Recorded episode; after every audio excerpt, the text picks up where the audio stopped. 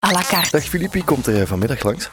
Dag Robbe, wel bij ons komt vandaag uh, een van de jongste topadvocaten van ons land. Uh, die is vandaag uh, te gast. Het gaat over Dimitri Debeko. Hij is sinds 2005 advocaat hier in Brussel, verbonden aan de Bali.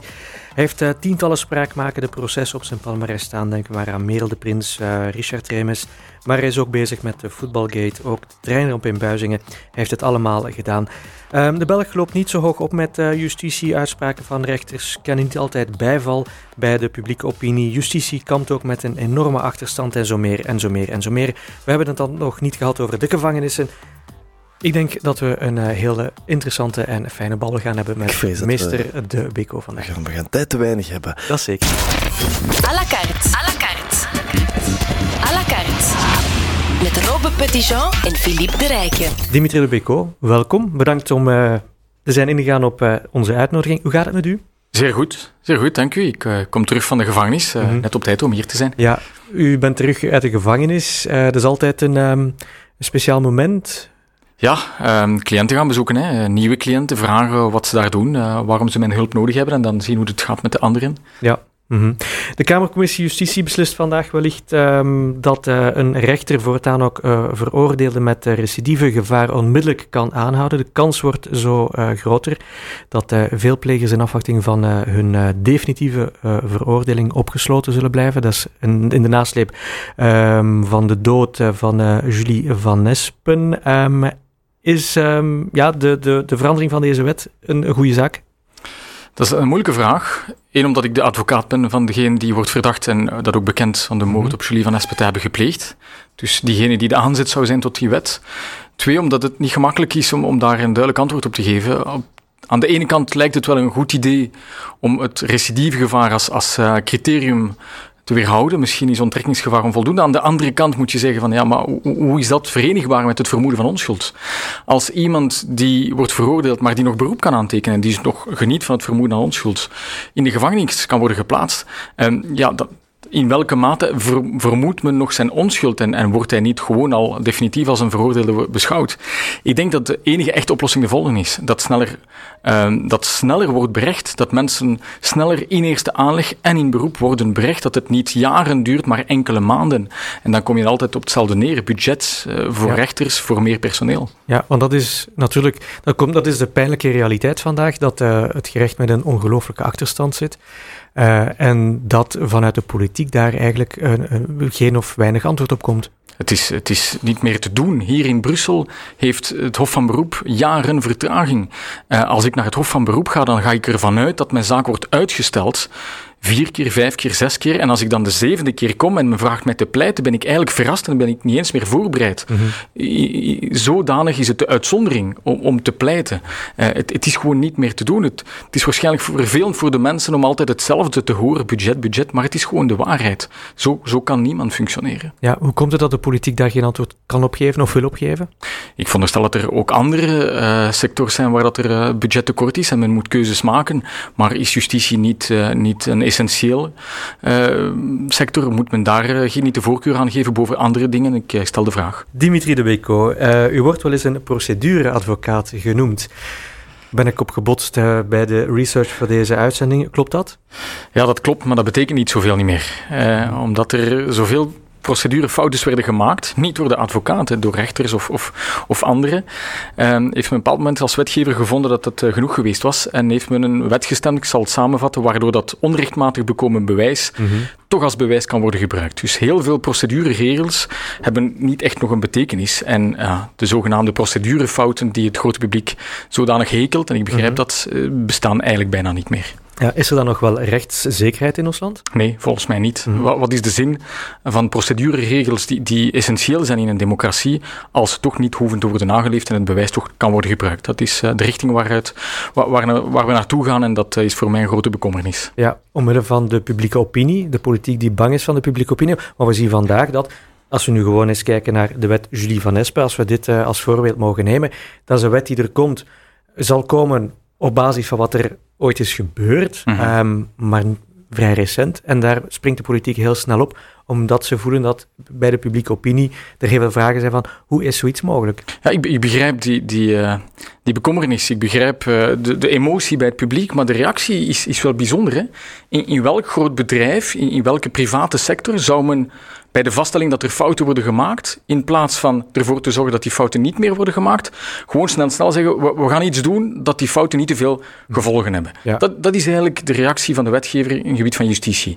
We gaan ervan uit dat we die fouten toch gaan blijven maken, dus zorgen we ervoor dat, dat, dat het niet te veel uh, gevolgen heeft. Mm. Zoals procedurefouten geen gevolgen meer. Of in plaats van mensen sneller eh, te laten voorkomen voor het Hof van Beroep, gaan we zeggen van ah, we steken ze gewoon in afwachting op basis van een nieuw criterium in de gevangenis, in afwachting dat ze verschijnen voor het Hof van Beroep. Dat is ja. toch een eigenaardige manier om, om die problemen uh, aan ja. te pakken. Mm -hmm. Is, uh, wordt vaak gezegd dat ja, justitie wereldvreemd is. is dat zo? Nee, dat vind ik niet. Uh, in de contacten die ik heb met, uh, met rechters, um, vind ik niet. Uh, we hebben goede rechters. We hebben rechters die hun job echt wel zo goed mogelijk doen. Meer en meer rechters die vroeger advocaat zijn geweest, dat vind ik een heel goede zaak. En dus ik heb veel kritiek op justitie, maar die niet. Ja. Um, Koen Geens, minister van Justitie. Um, wordt vaak door de publieke opinie aangesproken. Er zijn een aantal acties voor het kabinet geweest, naar aanleiding van ja, wereldvreemde uitspraken, wordt dan uh, gezegd. Um, hij sprong niet meteen op die kar hè, van, van, van de, de, de, hoe moet ik het zeggen, de, ja, de onvrede die er was bij het, um, bij het volk, bij de bevolking. Is dat een goede zaak? Is dat zeker een, een goede zaak. Hè? Hij blijft op zijn plaats. Um, ik vind het goed dat hij in tegenstelling tot anderen, ik denk aan Jan Jan Bon, die toch wel heel ongelukkige uitspraken heeft gedaan over bepaalde zaken of, of bepaalde verdedigingen. Uh, denk aan de verdediging in de zaak Abdeslam. Ik vind dat uh, onze minister van Justitie in zijn rol blijft. Dat vind ik heel goed. Ik vind dat hij minstens de verdienste heeft van zeer actief te zijn. Hij heeft allerlei wetten laten stemmen. Voor alle duidelijkheid, we hebben veel kritiek eh, op hem, maar volgens mij zijn bepaalde wetten zeer intelligent, zeer goed. Bijkomende straffen, bijkomende maatregelen die de rechter vroeger niet had. Aan de andere kant vind ik dat hij voor sommige zaken te snel gaat en niet mhm. genoeg naar ons luistert. Ja, de fameuze potpourri-wetten. Potpourri, hè? De, de, naam zegt het zelfs. Er zaten goede dingen in, maar ook veel minder goede dingen. ja, laten we het even hebben. U was deze ochtend uh, nog in, uh, in de gevangenis. Um, ja, het leven in de gevangenis is geen pretje, zeker niet in Brussel. Is het zo erg? Het is zo erg. Een pretje hoeft het natuurlijk niet te zijn. Hè. Ik hoor de luisteraar al denken, van, Nee. Het zou nogal wezen dat het mhm. een pretje zou zijn. Maar dat het zo erbarmelijk is, hoeft nu toch ook niet. Hè? Ik zat deze morgen in de gevangenis, het is altijd hetzelfde. Propvol, alle criminaliteit uh, gemengd. Geen of bijna geen maatschappelijke psychologische begeleiding. Uh, middeleeuwse toestanden qua, qua, qua voeding, qua uh, architectuur, de toestand van de gebouwen. Ja, hoe, hoe kan je iemand voorbereiden op een degelijke reintegratie in, in zo'n omstandigheden? Het is, is, gewoon niet te doen. Mhm. Die mensen, daardoor, dat moet het publiek begrijpen, die mensen zijn zodanig uh, bekommerd om deze situatie en klagen zich uh, klagen zodanig over die toestanden dat ze niet meer bezig zijn met hun eigen schuld en met nadenken over hun daden. Ja, wat, wat, wat kan je dan bekomen? Ja, um, iemand die uit de gevangenis komt, uh, zomaar uit de gevangenis komt, zonder begeleiding, is dat dan een gevaar voor de maatschappij? Dat is een garantie voor recidive, dat kan ja. ik u zeggen. Mm -hmm. Wat is de oplossing? Wel, er, er is uh, recent een, een, vorm van oplossing voorgesteld en gestemd. En ik vind het spijtig dat dat in de media amper aan bod is gekomen. Dat zijn de transitiehuizen. Dat is een beetje naar uh, Scandinavisch model.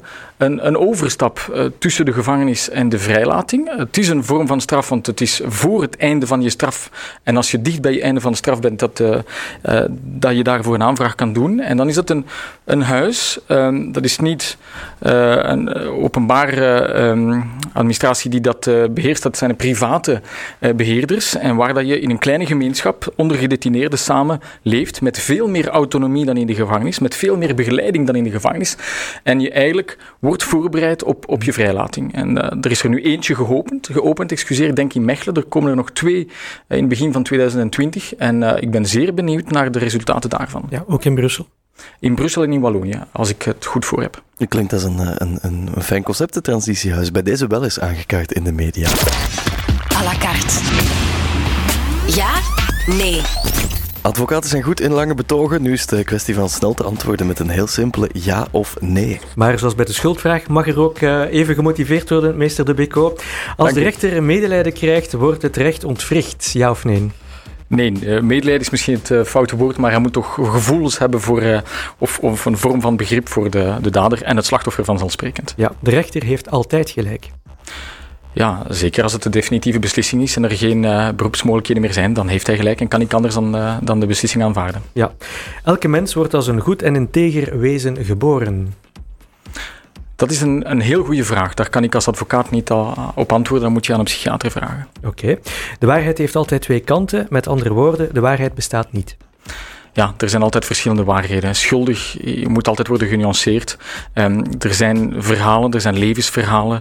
Het is niet altijd zo eenvoudig en zo zwart-wit als men het denkt. En dat is ook een beetje mijn job, mm -hmm. die nuances brengen. Ja, uh, dat zijn nuances. Die nuances kunnen aangebracht worden in een assisezaak bijvoorbeeld? Absoluut. Het Hof van Assise neemt de rechter, de jury, uh, in dit geval de tijd om, om echt doorheen heel het verhaal, levensverhaal van iemand uh, te gaan. En dat heb je op correctionaire rechtbank niet altijd. Ja. Vandaar het belang van het voortbestaan van dat assisenhof?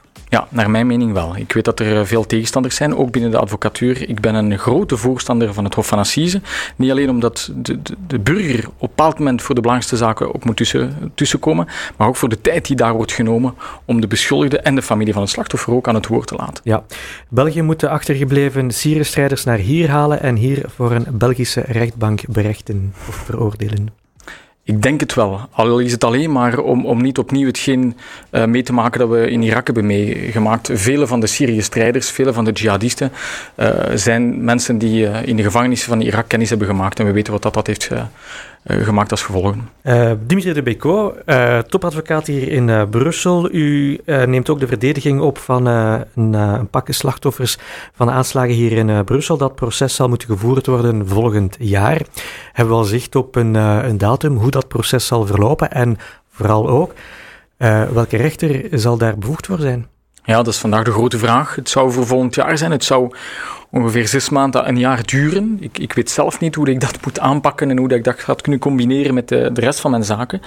Uh, nu, de duur zal een beetje afhangen van, van de rechter. Inderdaad, in principe is dit voor het Hof van Assise, want het gaat om uh, doodslag en moord.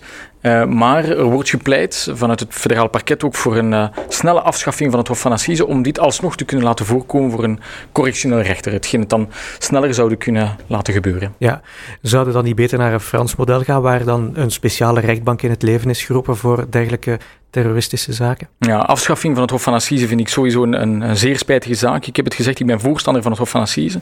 Nu, ik begrijp de verschillende moeilijkheden dat dat uh, teweeg brengt voor uh, zo'n zaak, voor een terroristische zaak. En ik zou dan nog liever hebben dat men inderdaad een aparte kamer heeft voor uh, terroristische criminele daden. Ja. Dimitri de Beko, bent nu 14 jaar advocaat. Als we een balans zouden mogen opmaken, wat is die? Is die positief? Bijzonder positief. Heel veel werk, eh, heel veel uh, moeten eh, opgeven van vrije tijd. Ik probeer toch tijd te hebben voor mijn familie, maar het blijft enorm, voilà, enorm intensief. Um, ik heb gelukkig vandaag uh, medewerkers rond mij die mij helpen. Dat maakt het iets gemakkelijker. Maar bon, dat is nog maar 14 jaar. Ja. Ik heb nog een, uh, een, lange weg voor mij en ik hoop dat ik uh, dit zo lang mogelijk zal kunnen blijven doen, want het is echt een passie. Ja, als advocaat en zeker als strafpleiter wordt u geconfronteerd met vaak heel zware feiten, um, drama's ook. Um, wat doet dat met de mens? Het is niet gemakkelijk. Ik, ik zit, zit, echt in het diepste van, van de mens, de, de, de, de slechtste kanten, maar ook de mooiste kanten. Ik, ik, zie van, van de grote criminelen ook wel de goede kantjes, uh, het menselijke in hen. Ik ga het anders zoeken als ik het niet vind. Maar bon, het blijft, het blijft natuurlijk moeilijk. Je moet uh, je emoties niet verdringen. Um, je, je, moet die emoties hebben, die gevoelens hebben, maar je moet ze ook een beetje kunnen beperken, want anders overweldigt het je en kan je je werk ook niet mhm. doen. Als je er geen gevoelens meer bij hebt, moet je dan stoppen? Ja, moet je stoppen, zeker. Ja. Mm -hmm. uh, heeft het jouw kijk op het leven veranderd? Jouw werk in de advocatuur? Dat zeker ergens domeinen waar je uh, Ik heb denk ik nog meer liefde voor mijn medemens, maar soms uh, zie ik de maatschappij nog zwarter dan het is. Ja? Ja, toch wel. Ik zie het. Ik, uh, ik ben banger voor mijn kinderen, voor, voor de stad waarin ze opgroeien soms dan ik zou moeten. Ja. Misschien zie ik overal U kwaad. bent bang voor Brussel? U bent bang van Brussel? Nee, ik hou van Brussel. Mm -hmm. Ik hou van Brussel, maar ik merk op dat ik door al die zaken soms overal het kwaad zie. Mm -hmm. Dat zou ik niet moeten. Maar ik heb uh, nog altijd veel liefde voor mijn medemensen en meer en meer hoe meer ik dit werk doe. Oké. Okay. Twijfelt u soms om uh, een zaak aan te nemen?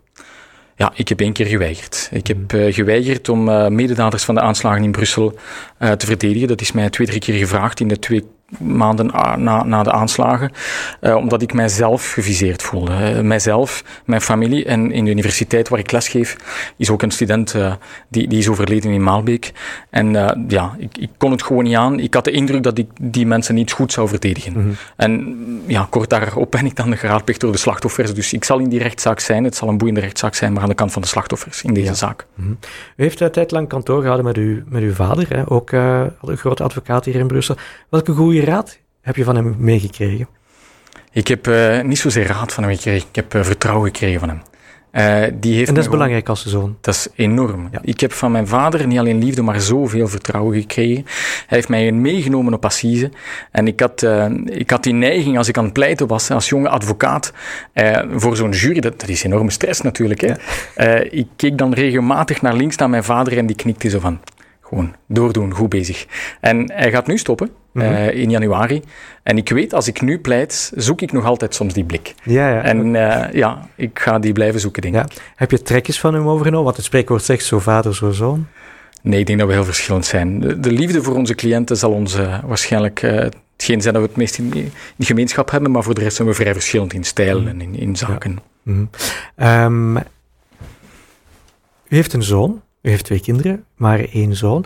Uh, mag je in de advocatuur? Goh, we zijn al zoveel generaties advocaat. Ik zou het leuker vinden als hij iets anders doet. Dat ik iets, ja. een andere sector ontdek dankzij mijn, mijn, mijn, zoon. Ik weet niet, architect of dokter of zo. Mm. Maar bon, aan de andere kant, het idee van samen met hem te pleiten. Mm. Hij is nog maar zeven, maar hij kan het al goed uitleggen. ja, zo vader, zo zoon. Ja, dat wel. Ik wel ja. Um, wat heeft u eigenlijk toe gebracht om in de voetsporen van uw vader te treden? Goh, eigenlijk aanvankelijk wou ik uh, architect zijn. Hè. Je zou het niet, niet denken, maar goed, ik was dan niet zo goed in de wiskunde en universiteit was, was toch ah, iets waarvan dat men zei van dat, dat, is een must. En dan heb ik dus rechten gedaan. Ik wou onderzoeksrechter zijn aanvankelijk. Uh, in een ander leven zou ik nog altijd wel, denk ik, een goede onderzoeksrechter zijn. Of waarom geen onderzoeker? Ik heb veel respect voor de, voor de politie en voor de onderzoekers die een, een fantastische job doen. Maar goed, waarschijnlijk omwille van het voorbeeld van mijn vader is het dan strafpleiter geworden en ik heb er geen spijt van. Ja, van vader op zoon. En als uw zoon het goed kan uitleggen, radiopresentator is ook altijd een optie. à la carte. Op de plank.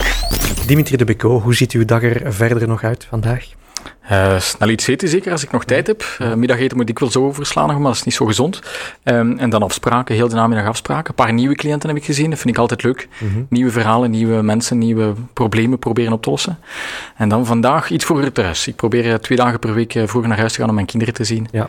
En vanavond nog een beetje sporten. En dan nog wat werken en dan slapen. Oké. Okay. Wat kan u uit uw slaap houden? Uh, slecht gepleit hebben. Mhm. Dat is hetgeen dat mij het ja? meest uit mijn slaap welk gevoel, Met welk gevoel uh, verlaat je de rechtszaal dan? Uh, je hebt dat soms, en je, je zal dat heel je leven hebben, dat je soms denkt van, ga dit had ik beter kunnen doen, ik had dit moeten zeggen, dit had ik anders moeten zeggen. En dat, dat haalt mij uit mijn slaap. Ja, en wie kan u dan troosten op zo'n moment? De volgende zaak. Ja. Beter pleiten, en dan is dat over. Ja.